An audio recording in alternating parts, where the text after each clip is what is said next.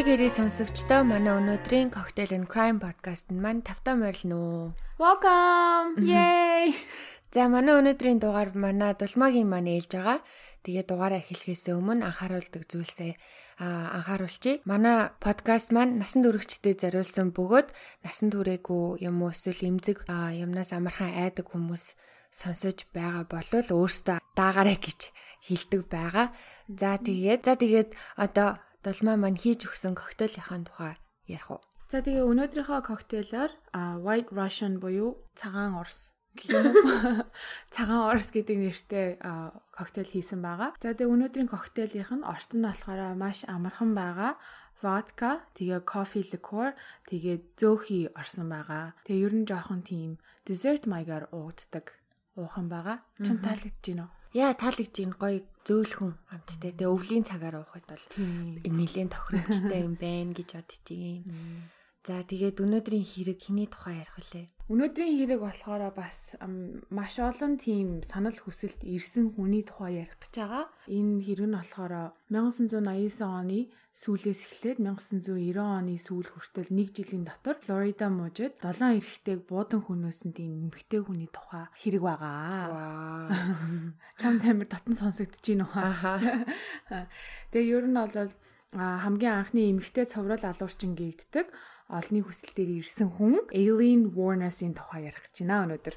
Аа. За тэгээд Aileen Warner нь төрөхдөө Aileen Carol Lee Pittman гэдэг нэртэй байсан бөгөөд 1956 оны 2 сарын 24-нд Мичиган мужийн Rochester хотод төрж өссөн байгаа.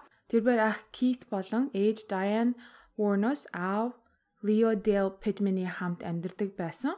А түүний ээж Diane Warner-с нь Финланд гаралтай, эцэг нь болохоор Англи гаралтай тийм ер нь цагаачтын хүүхдүүд байсан юм билэ. Тэгээ тэр хоёр ингээ маш залуудаа гэр бүл болсон гэж байгаа. Бараг өөртөө хүүхэд байхдаа гэр бүл болсон. Ээж нь 14 настай, аав нь 16 настай байсан гэж байгаа. Хөөх тийм үү? Тийм, амар жоохон өөртөө хүүхдэд байсан байгаа зү тий. Тийм байна. Тэгээ аав ээж хоёр нь бага насандаа гэрлээд гэрэлснийхаа дараа жилийн дараа буюу Тэгээ ээж нь 15-тай, аав нь 17-тай байхдаа Эйлиний ахыг төрүүлсэн байдаг. А тэгээ гэр бүлийн амьдрал бас тогтворгүй байсан нь бас юм шиг санагддаг. Яагаад гэвэл гэрлээд нэг жил хагасны дараа буюу Эйлинийг төрхөөс 2 сарын өмнө эцэг их нь гэрлэлтэд цоцлуулж хоёр тишээ болсон байдаг. Эцэг нь болохоор төрхөөс өмнө ээжээс нь салаад тэр чигээрээ ер нь бол өөрийнхөө амьдралыг хөөгд явсан байдаг. Эцгийн тухайн мэдээлэл гэвэл төрөх үед нь 7 настай охиныг бэлгийн хүчирхийлэлд оруулсан хэрэгээр ял эдэлж байснаар зогсохгүй өөр нэгэн хөнөөгцөн бага насны хүүхдийн хэрэгт сэжиглэгдэж байсан. Тэгээ эцэг нь болохоор бас ер нь тийм өөр ингэсний түүхтэй хүн байсан юм байлээ. А тэгээ түүний эцэг 1969 онд 20 ангийнхаа камерт амиа хорлон нас барсан байдаг. Түүний эцэг нь болохоор schizophrene гэдэг онштой байсан. Oh my gosh. Бас тийм бас schizophrene. Schizophrene ер нь бол амар сүлд гарч ирж байна те. Харин тийм. Хүн болгоны кейс хэрэг дээр гарч ирлээ шүү дээ. Хүн болгоны кейсэн дээр бол гарч ирж байна. За тэгээд түүний ээж Diane нөхөргүй залуу ээж хоёр хүүхдээ арчилж чадахгүй улмаас өөрийн ээж аав болох Lori болон Britta Warner-ст хоёр хүүхдээ аваачин өгсөн байдаг. Тэгээ аваачиж өгөхдөө Айлин болон Кис тэгээд эмээ өвөө эдэр нь ерөөсөө мдээгүй юм билээ одоо ээж нь ингээ орхио явж гин гэдгийг а хоёр хүүхэдтэй болохоор Даян хэлэхдээ эмээ өвөө дээр очичоод ирийгээ дагуулад явдаг. Ээж аав дээр очингуудаа би ингээ гадагшаа гарчаад ирийгээд тэр чигээрээ алга болсон гэж байгаа байхгүй юу. Юу өөд үе харин тийм. Тэр үед болохоор Эйлийн 4 настай, ах нь 5 настай байсан. Гэхдээ чин ээж нь өөрөө 19 настай жоохон охин байсан байгаа байхгүй юу. За тэгээд ер нь бол бага насных нь одоо ээж аавынхын тухай иймэрхүүл мэдээлэл байна. Дөрөв настай Элийн ахтайгаа хамт эмээ өвгөтөөрөө амьдрах болсон. Ээж нь тэгэж орхиж явсны улмаас ах トゥ хоёр эмээ өвөөгөө ер нь өөрсдийн аав ээж хэмээн бодож өссөн байдаг. Тэгээд угаасаа хайж явснаасаа хойш тэр цагаас хойш ээжээгээ дахиж юусаа хараагүй гэж байгаа байхгүй. Бүр тэр чигт нь хаяа явчихсан. За тэгээд түүний эмээ өвөө хоёрын талаар гэхэд хоёулаа ер нь бол архичин хүмүүс байсан, нэлээд удаг эмээ өвөө хоёроос нь өвөө нь илүү уудаг байсан бөгөөд маш агсан хүн байсан юм бэлээ. Тэгээ хоёр хүүхдээ ер нь бол байнга зодон занчдаг, хүчирхийлдэг байсан. Тэгээ зодох зодохтой бүр юу яасан ингээд ташуур шиг юмар зоддаг байсан гэж байгаа байхгүй Эленийг. Тэгээд өвөө нь хэлэхдээ зодуураа цэвэрлчээд эргээд очиж ингээд арчуулж цэвэрлүүлж тэгжийд зоддог. Зодох болгондоо тэгдэг байсан гэж байгаа байхгүй. Тэгэхээр энэ бол зүгээр нэг хүүхдээ нэг сахилахгүйд нь бай бай гих биш те. Ёстой баг занжаагаад очиж зоддог байсан юм шиг л харагдаж байна. За тэгээ түүний багтаа хамсан хүчирхийллийн тухайд гэвэл түүний өвөө бэлгийн хүчирхийлэл үзүүлдэг байсан бөгөөд төрсэн ахтай нь хүртэл хүчээр бэлгийн харьцаанд оруулдаг байсан гэсэн. Тэгээ олдсон мэдээллүүдээс зарим нь болохоор тэгээ өвөө нь хүчээр ах トゥ хоёрыг ингэж бэлгийн харьцаанд оруулдаг байсан гэдэг.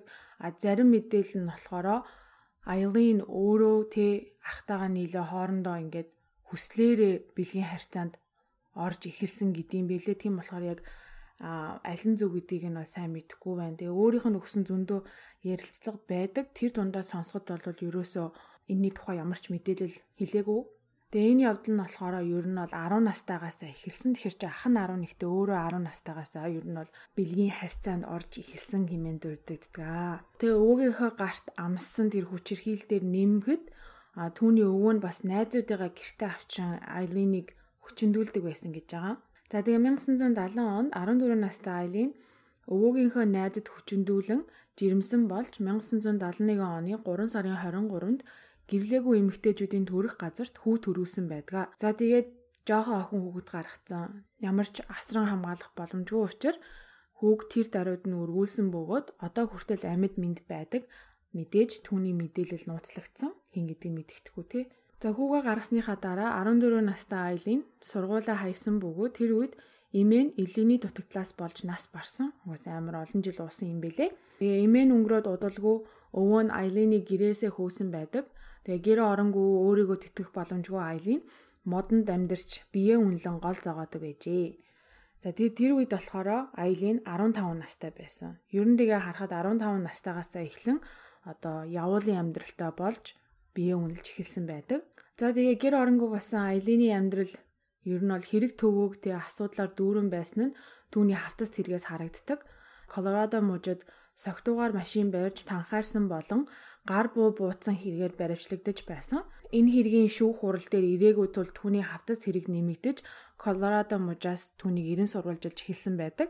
Энэ явдлаас хойш 2 жилийн дараа 1976 онд 20 настай Айлин одоо Колорадо мужид болсон хэрэгээс зүхтааж тэгээ Флорида мужид ер нь сэлгүүцэх болсон байгаа. Флоридад ирээд төд удалгүй 20 настай штэ. 69 настай Lewis Gratz-Fell гихч тухайн газрынхаа тийм дарвуулт онгоцны клубын тийм ерөнхийлөгч бас мөнгөтэй байсан юм шиг. Тим хүнтэй гэрэлсэн байдаг. 49 насны зүрхтэй өвөөтэй. За тэгээ гэрлээд ер нь бол зан авир нь өөрчлөгдөж те амьдралаа засуу гэтэл тийм юм болоогүй. Орж гардаг байсан бааранда байн хэрүүл зодон хийдэг байсан бөгөөд хэсэг хүний биед халдсан хэрэгээр шоронд суусан байдаг.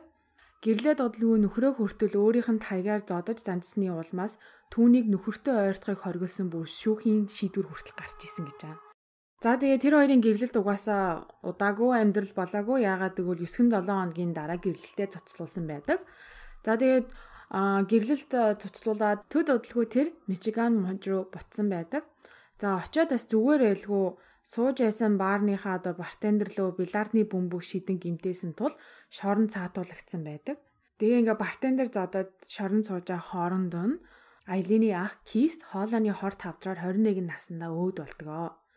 Тэгээ Кит нас барахтаа амьд атгал болох 100000 ам долларыг Айлинд өвлүүлсэн байдаг. За тэгээ ахынхаа өвлөөсөн мөнгийг 2 сарын дотор үрж дууссан байдгаа. Тэр мөнгөөрөө шинэ машин авч унсан согтуу машин барьж байгаад осолд оруулаад хайсан гэж байгаа. Бүтлгүй. Үгүй харин За тэгээ түүний сэлгүүцэн амьдрах амьдрал үргэлжилсээр 1981 он тэрбээр Флорида мужид дахин баривчлагдсан байдаг. А хийсэн хэрэг нь дэлгүүрээс зэвсэгтэй дээрэмхийн 2 пажиг тамхи болон 35 доллар дээрэмдэж хагаад баригдсан. За тэгээ энэ хэргийнхаа шанд 1 жил 20 ангид суусан байдгаа. Суллагдаад жилийн дараа 1984 онд Хуурамч банкны чек бичих гэж оролдож баривчлагдсан байдаг. За тэгээ 85 онд нь болохоор галт зэвсгийн дээрэн болоход гол сэжигтэн байсан юм байлээ. Жилийн дараа 1986 онд хуурамч бичиг баримт хэрэгэлсэн машин хулгайлсан болон баривчлалтыг эсэргүүцсэн гих мэт хэрэгээс болон саатуулагдаж байсан. За ер нь тэгээ буу шүү хэрэг төв хулгай дээрэм гих мэт хэрэгээс ер нь салтаггүй явсан юм билэ. За тэгээ 1986 онд 30 настай Айлин 24 настай хайрт бүсгүй болох Tyra Moore-тай бааранд танилцаж хайр сэтгэлийн харилцаа холбоо тогтоосон байдаг. За тэгээ хоёулаа хамтран амьдрах болсон ч ер нь бол гэр оронгүй дандаа ийм дин буудалд амжин амьдардаг байсан юм билэ. Тэгээд яаж одоо энэ амьдралын амьдралаа одоо авч явж хоолунд одоо дин буудлын мөнгийг төлдөг байсан бэ гэхээр Айлин бие үнэлж олсон хідэн цаасаараа голоо зогоодог. Энэ хоёр бас нэлийн хэрэг төвөгт ордог байсан. Ихэнхдээ бааранд зодоон цохон хийсэн хүний биед халдсан гих мэт хэрэгээр За ер нь тэгээд хараад тахаар ингээ манай Bonnie and Clyde хоёр шиг ер нь хэсэг явсан юм байлээ. За ингээд жижиг сажиг хэрэг үлдэж явсаар удалгүй дамжирч одоо хүний амьд хүртэл хүрдэг тийм хэрэг болсон байдгаа. Тэгээд түүний хийсэн хэрэгүүд угаасаа Флорида мужид газар авсан. Түүний хамгийн ихний хохирогч нь 51 настай Richard Mallory гих дэлгүүрийн эзэн байдаг. 1989 оны 11 сарын 30-нд Richard бэлгийн дур хүслээ хангах зорилготой Айлинийг хүсэлсэн авдаг. А тэгээ тохирсон зүйлээ хийхийн тулд хөл хөдөлгөөнгүй модтой газар очисон байдгаа. 2 хоногийн дараа Ричардын эзэнгүү хайсан машин олдож а 4 хоногийн дараа түүний хид хідэн удаа буудуулсан цогцос олддог байгаа. Тэгээд бүр хэрэг тайлбарлагдсны дараа Айлинаас ингээд хэргийн талаар мэдүүлэг авахад тэр хэлэхдээ тэгээ би бие хамгаалж Ричардыг хөнөөсөн. Намайг хүчинсэн бөгөөд уул мөр баримтаа арилгах гэж Миний урагдаж цус гарсан эрэгтнийг минь спиртээр арчсан. Тэр ямар их өвдсөн гээч гэж өөрөө ярилцлага өгсөн байгаа байхгүй юу? Миний гарыг хүлсэн байсан ч тэмцэж байгаад би цүнхэндээ авч явсан гар бууга гарган ирж би түүнийг будаж хөнөөсөн химэн хэлжээ. За тэгээд түүний хоёр дахь хохирогч нь 47 настай David Spears гих барилгын ажилчин залуу байсан. Тэгээ 1990 оны 6 сарын 1-нд түүний нүцгэн цогцос замын хажуунаас олдсон бөгөөд 6 удаа цээж хэсэгтээ буудуулсан байсан. Түүний 3 дахь хохирогч Charles Corscaden гих 40 настай морь сургагч залуу 1990 оны 6 сарын 6-ны өдөр Түүний цээж болон гидсэн хэсэгтээ 9 удаа буудуулсан цогцос олцсон байдаг. Түүний цогцыг халдаг хүнжилд орон хайсан байсан нь цогцыг танихад бэрхшээлтэй байсан нөгөө муудаад амар олцсон байсан гэд. А тэгээ Чарльз энэ Чарльз залуугийн нэрэн дээр тэмдэглэгдсэн гар бууг хэдэн хоногийн дараа Айлин ломбардд тавьж машиныг нь унж явсныг гэрчүүд харсан байдаг. Тэгээ дөрөвдөх хохирогч болох Peter Symes гэх 65 настай хүн байгаа. 1990 оны 6 сарын 4-ний өдөр түүний эзэнгүү хаягдсан машин олцсон бөгөөд түүний машиныг Eileen болон найз бүсгүй болох Tyron унаж явсныг гэрч харсан байдаг. А харамсалтай нь Peter-ийн цогцос одоо хүртэл олдоогүй. Тэгээд түүний машиныг шинчгэд машины доторх хаалган дээр Eileen-ийн алганы хээ илэрдэг. Тэгээ яагаад илэрсэн бэ гэхээр угаасаа Florida мужид олон удаа шороо оронгоор гарцсан байсан болохоор шууд нөгөөний гарынх нь хээг олж аваад бүртгэлтэй байсан. Тийм бүртгэлтэй байсан. Аргагүй шүү дээ амар олон жил хүн амьтан зодож танхаарсан. За тэгээ түүний тав дахь хохирогч болохоор Troy Burrs гэх 50 настай тийм сосисигний худалдаачин ах байсан юм бэлээ. 1990 оны 8 сарын 4-нд түүний 2 удаа цээжиндээ буудуулсан цогцос модон дундаас олддог. За тэгээ төд удалгүй сарын дараа 6 дахь хохирогч болох Charles Humphrey толгой болон цээжиндээ 6 удаа буудуулсан цогцос олцсон байдаг. А тэгээд тэр Charles Humphrey нь болохоор тийм тэтгэврт гарсан агаарын нисэх хүчний хошууч хүүхдийн хүчирхийллийн эсрэг тэмцэх тэмцдэг мөрдөгч болон цагдаагийн дарга хүн байсан гэж байгаа байхгүй. Нилээн том хүн тийм.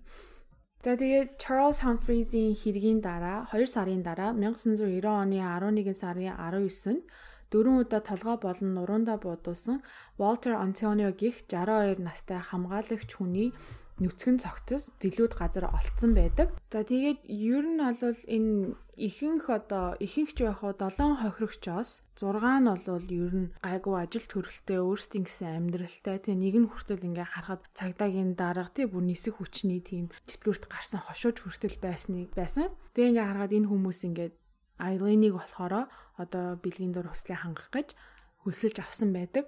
Тэгээ хамгийн ихний хохирогч болох Richard Mallory гэх нөгөө дэлгүүрийн эзэн биш үү одоо хүчинцэн гэдэг тэр л ганцаараа тийм бэлгийн хүчирхийлэл үзүүлж исэн гэсэн тийм хавтас хэрэгтэй юм бэлээ. Амар олон жил тийм 9 шидийн хүмүүст бэлгийн дарамт үзүүлж хэрэгээ хүлээж ял авч исэн. Тэгээ одоо одоо энэ ч одоо 80 дон тэгэхээр чи одоо цагаар харах юм бол ер нь цахим хууз руу ороод нөгөө бичигддээ штэ. Тим тэмдэглэгдсэн бүртгэгдсэн хүн байсан юм бэлээ. За тэг ингэж явсаар агаад 1991 оны 1 сарын 9-нд Флорида мужид байрлах The Last Resort буюу одоо сүүлчийн найдвар гих одоо орчуулах юм бол тий сүүлчийн найдвар гих баранд шал өөр тийм шийдэгдээгүй хэргийн улмаас болж баривчлагдсан байдаг. А тэгээ баривчлагдаад мэдүүлэг өгч хэрэгээ хүлээгээгүй байсан тэр үед найз бүсгүй болох Тайрон Айлиныг баривчлагсны сургаар Пенсильвани мужи руу цухтаан явдаг. Тэгээд Тайрон цагдаа нар олон санал тавьдаг гэж аа. А тавьсан санал нь юу вэ гэхээр Айлинтай ярьж тэ түүний амнаас хийсэн хэргийг нь хилүүлэх юм бол одоо чамайг ер нь хэрэгээс мулталж үгүй гэдгээ. За тэгээд Tyra саналыг хүлээн аван Айлинтай хит хитэн удаа ярьж тэ чи ингээ хэрэгээ хүлээхгүй бол намайг сэжиглээ шоронд хийх гээд байна. Тэгээ би ингээ айгаад байна. Чи ингээ хэрэгээ хүлээж гих мэтэр гуйсны эцэст 1991 оны 1 сарын 16-нд Eileen Warnos хийсэн хэрэгээ хүлээсэн байдаг. За тэгээд дараа нь ингээд баригдаад яагаад ер нь иймэрхүү хэрэг үйлдэж гаргах болсныг асуухад тэр хэлэхдээ намайг хүчинтэж дарамтлах гэж оролцсон учраас би өөрийнхөө биеийг хамгаалan тэр хүмүүсийг хөнөөсөн гэдэг. За тэгээ түүний шүүх хурал 1992 оны 1 сарын 10-нд эхэлж 1993 оны 2 сард дуусаж 6 удаа цаазаар авах ял сонсдог байна. 7 хүн хөнөөчөөд 6 удаа цаазаар авах ял авсан шалтгаан нь болохоор дөрөвдөг хохирогч болох Peter Symes-ийн цогцсон нь ерөөсөө олдоогүй учраас одоо нотлох баримт байхгүйгээд 6 6 удаагийн ялдаг байгаа. За тэгээ шүүхийн шийдвэр ингэж гарч 46 настай Eileen Warnos 2002 оны 10 сарын 9-ний өглөө 9 цаг 47 минутанд цаазаар ахуулсан байдаг Флорида мужид. Тэгээ амьсгал хураахаас өмнө сүүлчийн хэлэх үгэндээ тэр би удахгүй буцаж ирнэ. Би Есүстэй хамт яг л тусгаар тогтнолын өдөр гэдэг кино шиг бүх одоо хүч хүчээ дагуулan ирэх болно. Би буцаж ирнэ шүү гэж хэлсэн байдаг. За тэгээ түүний чандрыг багийнхан найз төрсэн газар болох Мишиган мужид цацсан байдаг. За тэгээ ер нь бол хэрэг ингээд дуусч байгаа. Тэгээ хамгийн одоо энэ хэргийн тухай хамгийн сонирхолтой нь угаасаа манай сонсогчид мэдж байгаа маш олон ярилцлага байдаг. Аа бас дээрээс нь маш олон баримтат кино байдаг. Бас одоо хүн болгоны сайн мэддэг а Charlize Theron-ы тоглосон Monster те Мангасгийн кино байгаа. Тэр кино одоо кино мино ном момныхаа тухай хүртэл өөрөө ярилцлагада ярилцсан дээрээ маш олон удаа хэлж одоо дургуйцлээ илэрхийлж исэн юм бэлээ. Тэгээ өөрийнх нь хүүхэд насыг нь харахаар угаасаа амар тийм юу яасан дарамт хүчирхийлэл амссан. Тэгээ тэрнээсээ болж ер нь бол хийсэн хэрэгүүдээ хийсэн үйлцэн гэж өөрөө ярилцсандаа хилдэг нэг ярилцлаганда тий хүн болгоны дотор чөтгөр байдаг. Хүн болгоны дотор юм уу муухай санаа бодол байдаг. Тэгээд миний хувьд болохоор нийгэм намайг түлхсээр л агаад миний энэ муу муухай чөтгөрийг гаргаж ирсэн. Одоо юу хийндэ нэг осондоо нийгмийг буруутгасан ч юм уу те буруушаасан. Энэ кейсийг ер нь харахаар нөгөө нөгөө чөтгөр төрдгүү бүтээгдсэн гэл одоо ярьдэн штэ зарим нь төрсэн байдаг зарим нь бүтээгдсэн гээд Eileen-ийг хийсэн дээр бол ер нь одоо энэ мангасан тий доторх мангасан чөтгөр нь бүтээгдсэн байгаа байхгүй юу. Цааны ийм байна. Одоо тэгээ ийм гимт хэрэг хийсэн хүмүүсийг чинь одоо өмгөөлөх баг нь ер нь бол айл болох тий сэтгэл мэдрэлийн өвчтэй галзуу гэдэг утгаараа ял идлүүлэхгүй одоо шоронд хорихгүйгээр нь үздэн штэ. Тэгээд нөгөө өмгөөлөх баг нь одоо Eileen одоо өөрийнхөө хийсэн юмыг мэдгүй одоо галзуу сэтгэл мэдрэлийн өвчтэй гэхэд өөрөө хэлэхдээ би галзуу биш ээ. Би бүх юмаа мэднэ. Би тийм хүн биш. Та нар яагаад ингэ худлаа яриад байгаа? Цагдаа нар намайг бодлох одоо барих боломж маш их байсан. Энэ бас цагдаа нарын үйл ажиллагаа. Би ийм мундаг ухаантай одоо алуурчин биш штэ. Би угаасаа амар замбраагүй байсан. Гар хөлнийхаа хээг те эн тэндгүү орхиж исэн. Гэтэл намайг барих гэж ингэж удна гэж юу мэдчихсэн мөртлөө эдгээр албаар бариагүй. Тэгээ цагдаа нарыг бас амар буруу шаасан байдаг. За тэгээд нэг тийм хэрэг одоо харамсалтай хэрэг байна. Ер нь багасаа маш аимшигын тийм хүчирхийллийг амсаж өсөөд бас ээж аав нь ингээ хаяа авцсан тэрэндээ бас амар гомрохдаг байсан баг. Тэрнээсээ болоод ер нь бол өөрийнх нь тэ үйлцэн гимт хэрэгүүд гарч ирсэн гэж бодож ин би ч гэсэндээ ер нь амар олон хүмүүс ч тэгэж боддог. Тэгээ өөрийнх нь одоо ярьж байгаа байдал ярьсан өгсөн ярилцлагыг нь харахаар бол үнэхээр нөгөө нэг одоо нийгэм гэдэг чинь бид бид нар чинь өөртөө нийгэм шүү дээ тий одоо бид нар нийгэмд яаж хайрцан нийгэм тийм л болгоно нийгэм биднэрт ямар хайрцан бид нар бас тийм л болно гэдгийг амар харуулсан болов гэж бодлоо. Сонирхолтой. Тэгээд янз бүрийн тэр аль биесээр оншилсан сэтгцийн өвчин энэ төр байдаг уу? Сэтгцийн өвчин тийм юм байхгүй. Ер нь бол зүгээр нөгөө reason of insanity те галзуу гэдэг утгаар одоо өөрийг нь өмгөөлөх гэж оролцсон боловч би ив ирүүл сав саруул тийм биш. Тэгээ яг нөгөө нэг албан ёсоор тэгэж онош байхгүй ч зарим мэрэгчлэнүүд ингээд хардсан штэ тийм байсан байх, ийм байсан байх гэл дараа нь borderline personality тэгээд нийгэмшиж чадаагүй гэсэн тийм онштой. Аа. Нийгмийн эсрэг гэсэн онштой. Аа. Албан ёсны бус онштой. Зүгээр яг хуу сэтгэл зүйчэд л дор дороо тийм таамаг дэвшүүлт юм уу те. Тийм. Мэдээж тэр багаас нь одоо багын амьдрал нь үнэхээр амар одоо юу гэдэг нормал бол байгаагүй учраас тэр бас нилээ нөлөөсөн баг л та. Бас ив ирүүл сав саруул хүн биш байх гэж би бол хувьдаа бодож байна. Ямар л хүн угаасаа одоо дөнгөж 10 настайгаасаа өөрийнхөө төрсөн ахтай янз бүр болсон гэж шүү дээ. Өөрөө өссөн ч өсөөгүй ч тэгэл амар хар багаасаа эрэгтэй хүмүүст одоо хүчирхийлүүлсэн учраас тэр нь их баг хэмжээгээр өөрийнхөө сэтгцэд бол нөлөөлсөн байх. Тэрнээс ч болоод одоо эрэгтэй хүмүүсийн үзий ядаад энэ болох нь болсон байж магадгүй. Тэгээ тэр өөрийгөө хамгаалаад бие хамгаалаад гэсэн л шалтгаан хилдэг штэ.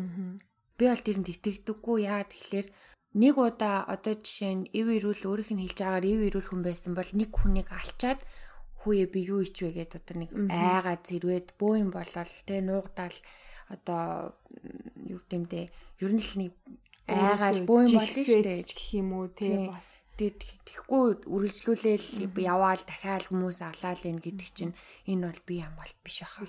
Тэгээд дээрэс нь бие хамгаалж байгаа хүн чинь нэг юм уу хоёр удаа л бууддаг тийм одоо зүү тогтол гэх юм уу байдаг штэ. Цагдаа нар хүртэл хилдэг одоо жишээ нь хоёроос дээш ч юм уу буутцсан амар олон буутцсан дээрээс нь нэмээд одоо хутгалцсан юм шал илүү юм хийцэн байгаа хүмүүсийг бол нөгөө overkill гэж яриад байдаг штэ. Илүү хэтрүүлээд алчихсан гэх юм уу.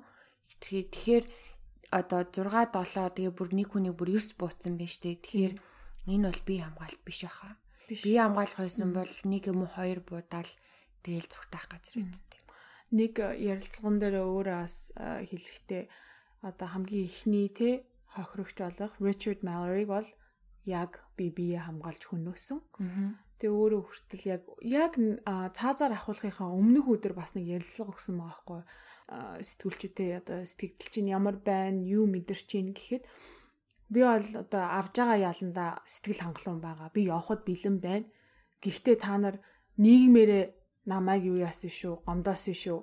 Та нараас олж одоо ийм болсон шүү гэдгийг амар тодтогч хэлсэн байдаг. Тэгээд Ричардыг бол үнэхээр бие хамгаалж аасан. Тэр одоо бараг тэг чөтгөр исэн. Дараа дараагийнх нь болохоор ер нь яг цоврал алуурчин гэхээр чинь ер нь өөрөө ингэж бодон төлөвлөж хүсэж одоо хүнөөсөн гэх юм уу да. А тэгээд Айлений хувьд болохоор хийсэн хэрэгүүд бол хизээч өөрөө төлөвлөж бол болоогүй. Яг тэр үедээ мэдэржсэн нөгөө нэг одоо эмоц гэх юм уу да тэрэндээ захирагдаад хүнөөсөн юм шиг санагддаг. Аа. Ер нь харагддаг өөрийнх нь ярьж байгаа юмнаас нь ч гэсэндээ тий. Тэр бол үнэхээр би хамгаалт бишээ. Тэгээ бас юу эсэн гэсэн нөгөө хайрт бүсгүй тайран штэ ер нь бол ажил хийдгүү. Тэгээ дэм будалд ингээд хоёулаа амьдарч байхад тэгээ цаая бол амар уух дуртай байсан. Тэгэл дандаа л пими уугаал тэгээ шоудах дуртай. Гэхдээ ажил хийдгүү. Тэр амьдралыг нь би тэтгдэг байсан. Тэгэл би ингээ нөгөө нэг амьдарч байгаа дэм бодлынхаа мөнгийг төлж чадахгүй. Тэгэл илүү одоо дээрэм хийж, илүү одоо өөрөө бие үнэлэх хэрэг гарсан. Тэгтээ би цааяадаа бол хайртай. Намайг матсан ч гэсэндээ би хайртай. Үхүү өгтлээ хайртай гэж хэлсэн гэж. Нас орох одоо цаазаар ахуулах өдөр хүртлээ I love Tyra. I'm still in love with Tyra. Одоо хүртэл хайрладаг гэж хэлсэн гэж. Аа. Одоо юу хийндэ? Үнэхээр өөр нийгэм болвол Eileen-ийг бол гомдоосон, муухай юм хийсэн. Гэхдээ түүний гаргасан реакц бол угаасаа үнэхээр юу зөв бус те. Би нэг дээр нэг ярилцлагыг үзчихсэн маа нэг телевизийнхэнд ярилцлага өгөхгүй өөрөө зөвшөөрсөн. Тэгээ тэднийг бүр тамлаа хийсэн шүү дээ. Нэг бол Яа, тийм өстой би алсан. Тэгээ яад юм ад ингээл амар тийм омглон. Тэд нэр өстой угаасаа ухтэй таарсан навчнууд байсан. Эмэгтэй хүмүүсийг хүчинтдэг, намайг хүчинтсэн гэл ингээл галзуураал те. Тэгэл нэг олвол шивнэнгүүтээ яг үндэ би ерөөсөө алаагүй. Тэ яг үндэ би энэ бол би байгаагүй. Тэгээд та нар яг уу би яг намайг ингэж заавал хийлгээд алсан гэж хийлгэх гээд байх шиг байна одоо цагдаагийнхан. Тэ тэд нэр тгийж хийлгээд ах шүү. Энд гэхдээ яг уу ингэж яачи а яг үнэндээ бол би тэднийг алаагүй малаагүй. Бүр нэг юм нэг сонио өстой нэг өстой өстой нөгөө borderline чинь харагдсан л та нөгөө хоёр туйлтай. Тэг гинт нэг юм ярьж байгаа гинт өөр юм болол. Нэг дэшээ нэг доошоо тий би амар гайхчихсан энэ бол эрүүл хүн биш ээ л гэж бодож байсан. Та нар ч гэсэн тэр ярилцлагын үзүүл харах харах байх.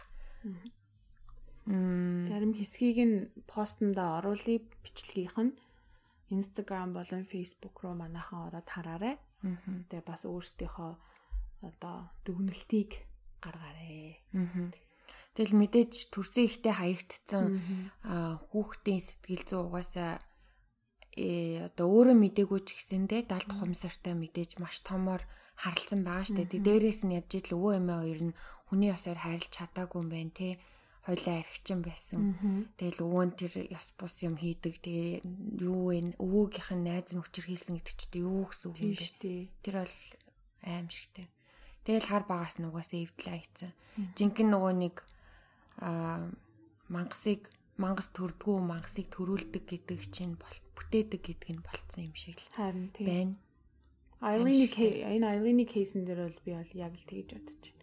Энэ бол бүтээгдсэн мангас төрсөн биш бүтээгцэн. Тэгээ иймэрхүү юм ингээд яг одоо энэ хэрэг ялангуяа жишээ нь одоо Монголын нийгэмд юу болж байгаа бол гэж би амар санаа зовж байна. Ягаад тэгэхээр одоо нөгөө гэр ороодлын хотын бүр захруу байгаа айлууд хоногийн хонлоо одоо арай хийж тий олж иддэг айлууд ядчийтл айгу олон хүүхд мөхттэй байдаг шүү дээ. Тэд нэр одоо хүүхдүүдийг яах яамар ч юм тий яаж туслаж болох бол яах вэ? Тэр халамжийн байгууллагууд угаасаа хурж ажиллаж чаддаг болов. Тэгэл тиймэрхүү зөндөө одоо байгууллагууд байгаа ч хамгийн гол нь нөгөө санхүүжилт муутай. Тэгээд дээрэс нь юу л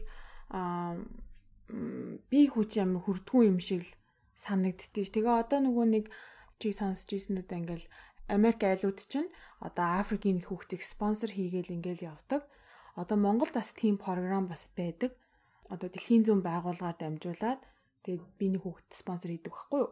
Тэгтээ хөдөөний хүүхдэлтэй ийм одоо одоо хүчрхийл мүчрхийл амссан бол үгүй зүгээр ер нь жоохон нин ядуу гэдэг утгаараа явдаг. Тэгээ ингээ харахаар одоо тэрний статистик статистик явуулд юм байлээ дэлхийн зүүн өөрөө. Тэгээ ингээ харахаар ер нь бол ингээд амар олон төрлийн бус тийм зөндөө байгууллагууд бас ингээд гадаадаас орж ирсэн байгууллагууд байгаа. Тусамж үгүй гэсэн ч хүн хүчийг хүрэлцэхгүй Тэгээ дээрэс нь тэр одоо байгууллагуудыг одоо ашиглаж одоо ээж одоо нөгөө ээж аавууд нь тэг хүүхдүүдийнхаа нэрээр ашиглаж тэгэж одоо буруу үйлдэл хийдэг тийм зөндөө хэрүүд гардыг бэлээ. Хүн ингээд тийм болохоор тэр байгууллагууд бас ихэнх нь мөнгөөр тусалдаггүй. Дандаа хоол, хүнс, хувцас, хунар, хичээлийн хэрэгсэл тийм юмар одоо тусалдаг. А бас дээрэс нь тэдний одоо тэр байгууллагуудын хийх гэж тэр тэрт байгууллагууч гэж тэ одоо миний мэдэх одоо тэр дэлхийн зүүн зүүн л одоо надаа мэдээлэл байна миний мэдхээр. Тэгээд тиймэрхүү бас байд одоо өөр Монгол тийм байгууллага одоо байгаа шүү дээ одоо наазах нэг ээжэдийн орон тэрэн шиг. А тий тэгээд тэдний бас ингээд нэг хүргэхийг хүсдэг юм нь болохоро гэр бүл төлөвлөлт бэлгийн боловсролыг амар сайн ойлгуулахыг хүсдэг одоо тэгэл хамгаалалт мамгаалалт те. Одоо нэг хамгаалалтгүй улмаас гэр бүлээ амар буруу төлөвлөж өөртөө өсгөж чадахгүй ээж маш олон хүүхдүүдийг гаргаад үнчин болгоол тэгээд үнчин болохгүй маа гэхэд ингээл олон хүүхдийг чирж авч байгаа да. Стресстэй л архичин болвол тий хүүхдээ балбаж эхлээл одоо нэг одоо ингээл нэг юм амар муухай ингээд сайкл тий ингээл яваал байгаа зү тэрийг одоо тасдах гэж хичээдэг тийм байгууллагууд байдаг юм билэ даанч одоо нөгөө санхүүжилт ёстой нөгөө хүрч чадахгүй уулын тэгэл 3 сая хүн амтай шүү дээ тий энэ төр засгийн ёстой мундаг байсан болвол ёстой өндөглөхөд амархан даал гэж боддог.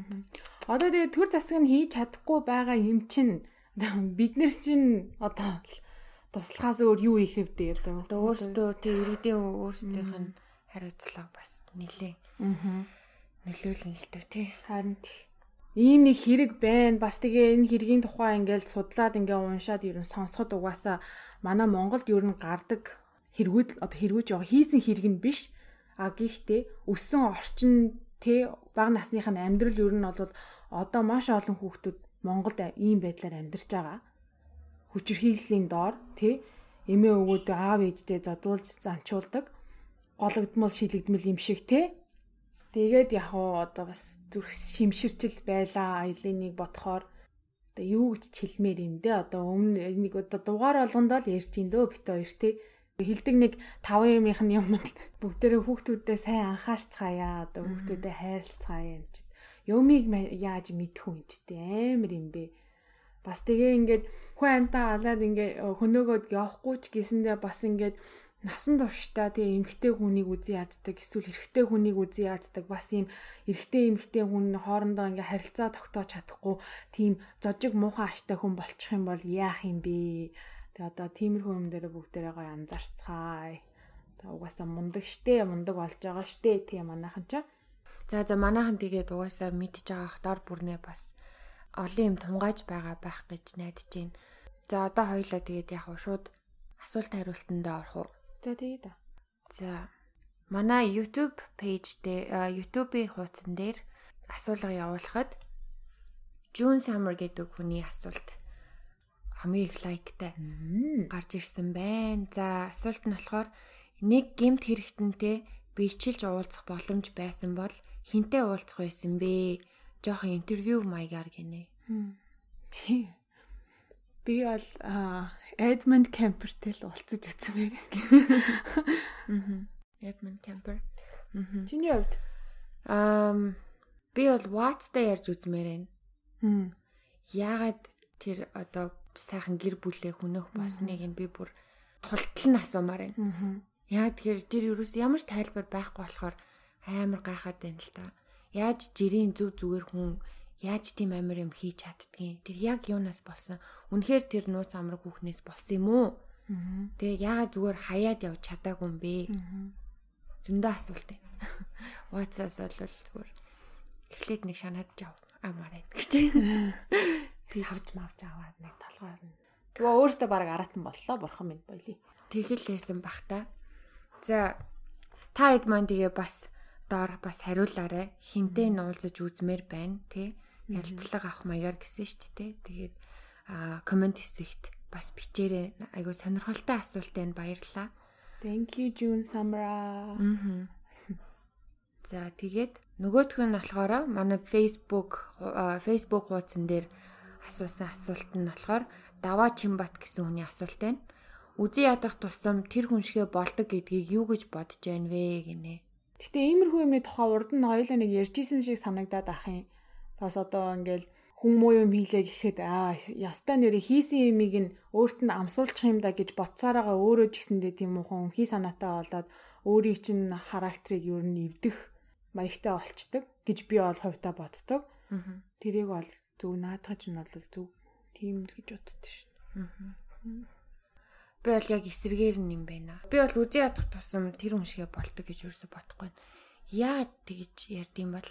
Тэгээ тэгэл одоо нөгөө нэг бодвол дотор ч бас ингээл одоо тэр ямарваа нэгэн хүн чам нэг муу юм хийцэн байлаа гэж бодоход тэрэн дээрээ ингээл чи ингээл бас бодоод мэдээж хүний уур хүрэн штэ бид нар ч бас адилхан эмоцтой. А гэхдээ ингээ удаан хугацаагаар бас ингээл дотроос ингээл бодоол бодоол нөгөөтгөө ингээл яваад авах юм бол тэр чи одоо ингээл бөгнөрөө л гэж дотор нь.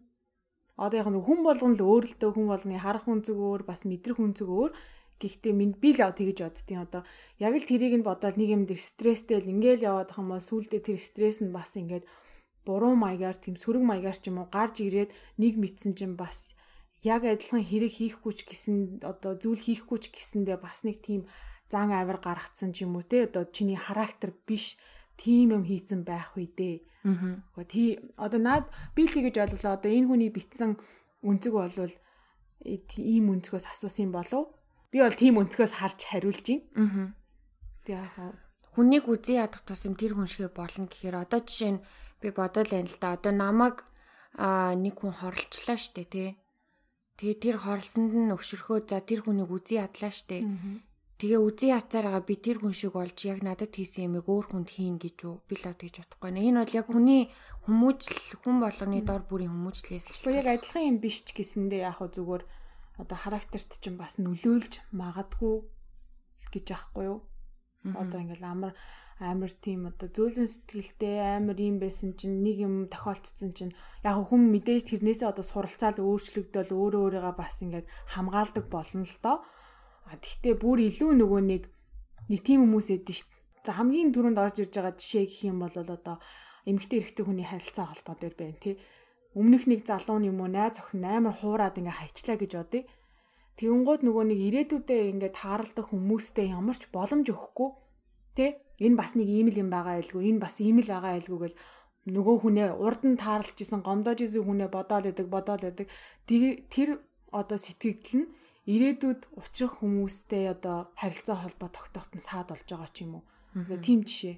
Тийм утгаараа мэдээж одоо бодож суралцах хэрэгтэй. Одоо тэр үзий одоо хүн тийм уухай зан гаргаал одоо тэрэн дээр нэг юм үзий ятах нь ч юу юм бэ? Суралцах хэрэгтэй Харин үзий ядаад бүр байн байн бодоод байх юм бол тэр хүн шиг л бас нэг муухай навшин болох бах та. Тэгвэл хоёлаа энэ дээр өөр бодолтой гэдэм байна. Тийм байна. За тэгээд э, яг ууг нь э, Facebook дээр болвол Земо сан гэсэн хүний асуулт арай илүү лайк авсан байсан. Гэхдээ энэ тухай нөгөө урд нь дурдсан болохоор алгасчлаа. Хэр удаа энэ хэргийн тухай яриагаа үргэлжлүүлэе гэж бодож гэнэ вэ гэж асуусан байна урд нь угаасаа хэлсэн бит хоёр яг одоогоор яг тэрэнд очиод зогсно гэсэн юм бол бодог байгаа учраас бит хоёр өөрсдөө ч гэсэн мэдэхгүй байна. Аа тэгээд ер нь бол аль болох тэгэл тууштай явахыг хичээн л гэж бодож байгаа. Тий. За тэгээд тэр болтол бит хоёртай хамт байвал мэдэх байлгүй дээ. За за за маш сонирхолтой асуултууд байна бас. Тэгээ ингээ гоё асуулт масуулт ингээ тавихаар чинь бит хоёроос хоорондоо хасан гээл саяны шиг ярьж мэрэл гоё л байгаа эцтэй. Аа. За тэгээ бүх ийм сонирхолтой асуулт асуусан сонсогчдоо бүгдээрэнд нь баярлалаа. Аа бас юу лээ санал хүсэлтээ өгч асуултанд ор лайк дарсан бүх сонсогчдод бас баярлалаа. Тэгээ итгэвтэй байдагт нь маш их дуртай, баяртай байдаг шүү. Хайртай шүү гэж. За тэгээд нэг мэдээ мэдээ гэх юм уу да нэг мэдээлэл хэлэхэд бит хоёр нэг тусгай дугаар бэлтэж байгаа. Тэгээ тэр нь болохоор бит хоёр мэржлийн сэтгэл зүйчтэй ярилцаад одоо энэ байнга гарч ирдэг те шизофрен өвчин гэж байнга гарч ирдэг. За тэгээ сая ярьсан нөгөө borderline personality гэж гарч ирсэн те тэр байдаг ч юм уу одоо ер нь depression ч байдаг юм уу а ерөөхдөө айгүй тийм түгээмэл байгаа сэтгцийн өвчтийн өвчний тухай мэрэгжлийн өмнөөс одоо гоё ойлголт аваад тэгээд Монголын нөхцөлд ер нь хаана хандах хэвтэй байдیں۔ Ямар шинж тэмдэг гардгийг ер нь тэ яаж онцлох одоо одоо яаж туслалцаа авах тухай ярилцсан тийм дугаар орох болно. Тэгээд тэрийг утахгүй бит хоёр тэр дугаар утахгүй тавигдана. Яг одоохондоо болохоор он цаг өдөр дээрээ болвол яг шийдээгүй байна. Гэхдээ яг одоо хийгдэж байгаа одоо хоёр одоо яг судалгааныхаа үе шатн дээр явж байгаа. Гэхдээ зүгээр та нартаа зүгээр нэг нууц дэлгийгээд энэ мэдээллийг хэлсэн юм аа. Тий.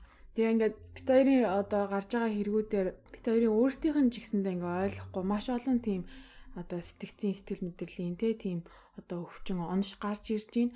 Тэгээ бас уншаад ингээд том том үгийг нь харангууд аа за гиснэ бас яг ингээд яг зүгээр энгийн яриагаар ерөөсөй ойлгоогүй болохоор яг ингээд тогтож өгөхгүй бит хоёр шиг хүмүүсээс зөндөө байгаа гэж бодоод мэрэгжлийн хүнтэй яриад ер нь жоохон энгийн яриа болгоод одоо тайлбар хийж тусгай дугаар бэлтэж байгаа. Аа. Тийм байна. За тэгээд мэдээж подкаста хаан сонсож байгаа тухайн платформ дээрээ аа өөрсдөө илэрхийлээ те дуртай юу вэ нөө дургүй байна уугаа илэрхийлээд лайк ч юм уу дислайк дараарэ гэж бит хоёр хүсдэг байгаа тэрийг аа манайхан ч дээ гоё. Тэгээд сэтгэлдээ харамгүй үлдээгээрээ бит хоёр дахиад тавтаад хэлэхэд Facebook дээр бас сонсогчдын групп нээгдсэн учраас Cocktail and Crime podcast-ыг сонсогчд гэд хайхаар гараад ирнэ. Тэгээд ороод ирээрээ. Тэгээ хамгийн гол нь манай групп ер нь бол 18 наснаас дээш насны хүмүүст зориулагдсан учраас бага насны хүүхдүүдийг угаасаа авахгүй хайр найргүй устгаж байгаа. Сим хий цорхоогоор норж ирээ сонсдог дүүнер байвал группод орохгүй оролдоод чирэггүй. Тий. За тэгээд YouTube дээр сонсдог хүмүүс маань subscribe дарахыг битгий мартаарай. Тэгээд subscribe-а дарчаад нэг хөөрхөн хонхны зураг байгаа бас. Тэрийгээ дарчих юм бол бит хоёрын одоо дугаар орох болгонд танд одоо notification болж шин дугаар орлоо гэд мэдэгддэг учраас тэрийгээ хасаагаарай гэж зөвлөё. За тэгээд энэ хүртэл сонссон хүмүүс маань хэн байдаг бэлээ гэж. MVP бас хошдог. Аха. За тэгээд бүгдээрэнд нь маш их баярлалаа. Баярлалаа. Дараагийн дугаар хүртэл түр баяртай. Bye.